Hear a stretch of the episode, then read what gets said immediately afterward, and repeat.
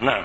ذكرتم في الجمعة الماضية أن الجمعة تقام بحضور ثلاثة فأكثر وفي كتاب الفقه المرحلة الابتدائية منصه اشترط لصحة الجمعة حضور أربعين من المكلفين من أهل البلد. كيف نوافق بين هذين الأمرين حيث سألنا بعض الطلاب الذين حضروا عن هذا الأمر ووقعنا في حرج الأهمية نرجو هذا الموضوع. اشتراط الأربعين وجماعة من أهل العلم هو المذهب الحنبلي الذي درس في المدارس. ومذهب الحنابلة له معروف عند جمع من أهل العلم. ولكن القول الراجح أنه لا يشترط أربعون وليس عليه دليل شرط الأربعين إلا حديث ضعيف.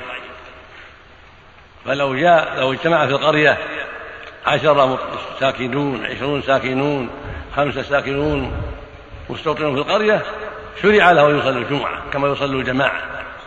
ولا يشترط أربعون في أصح أقوال المسألة فيها خلاف كبير بين أهل العلم. لكن هذا هو الأصح من أقوالهم لأنه ليس هناك دليل على تعيين عدد أكثر من الثلاثة الثلاثة هم الجمع يحصل بهم الإمام والمأمومون. إمام ومأموم ثلاثة اثنان.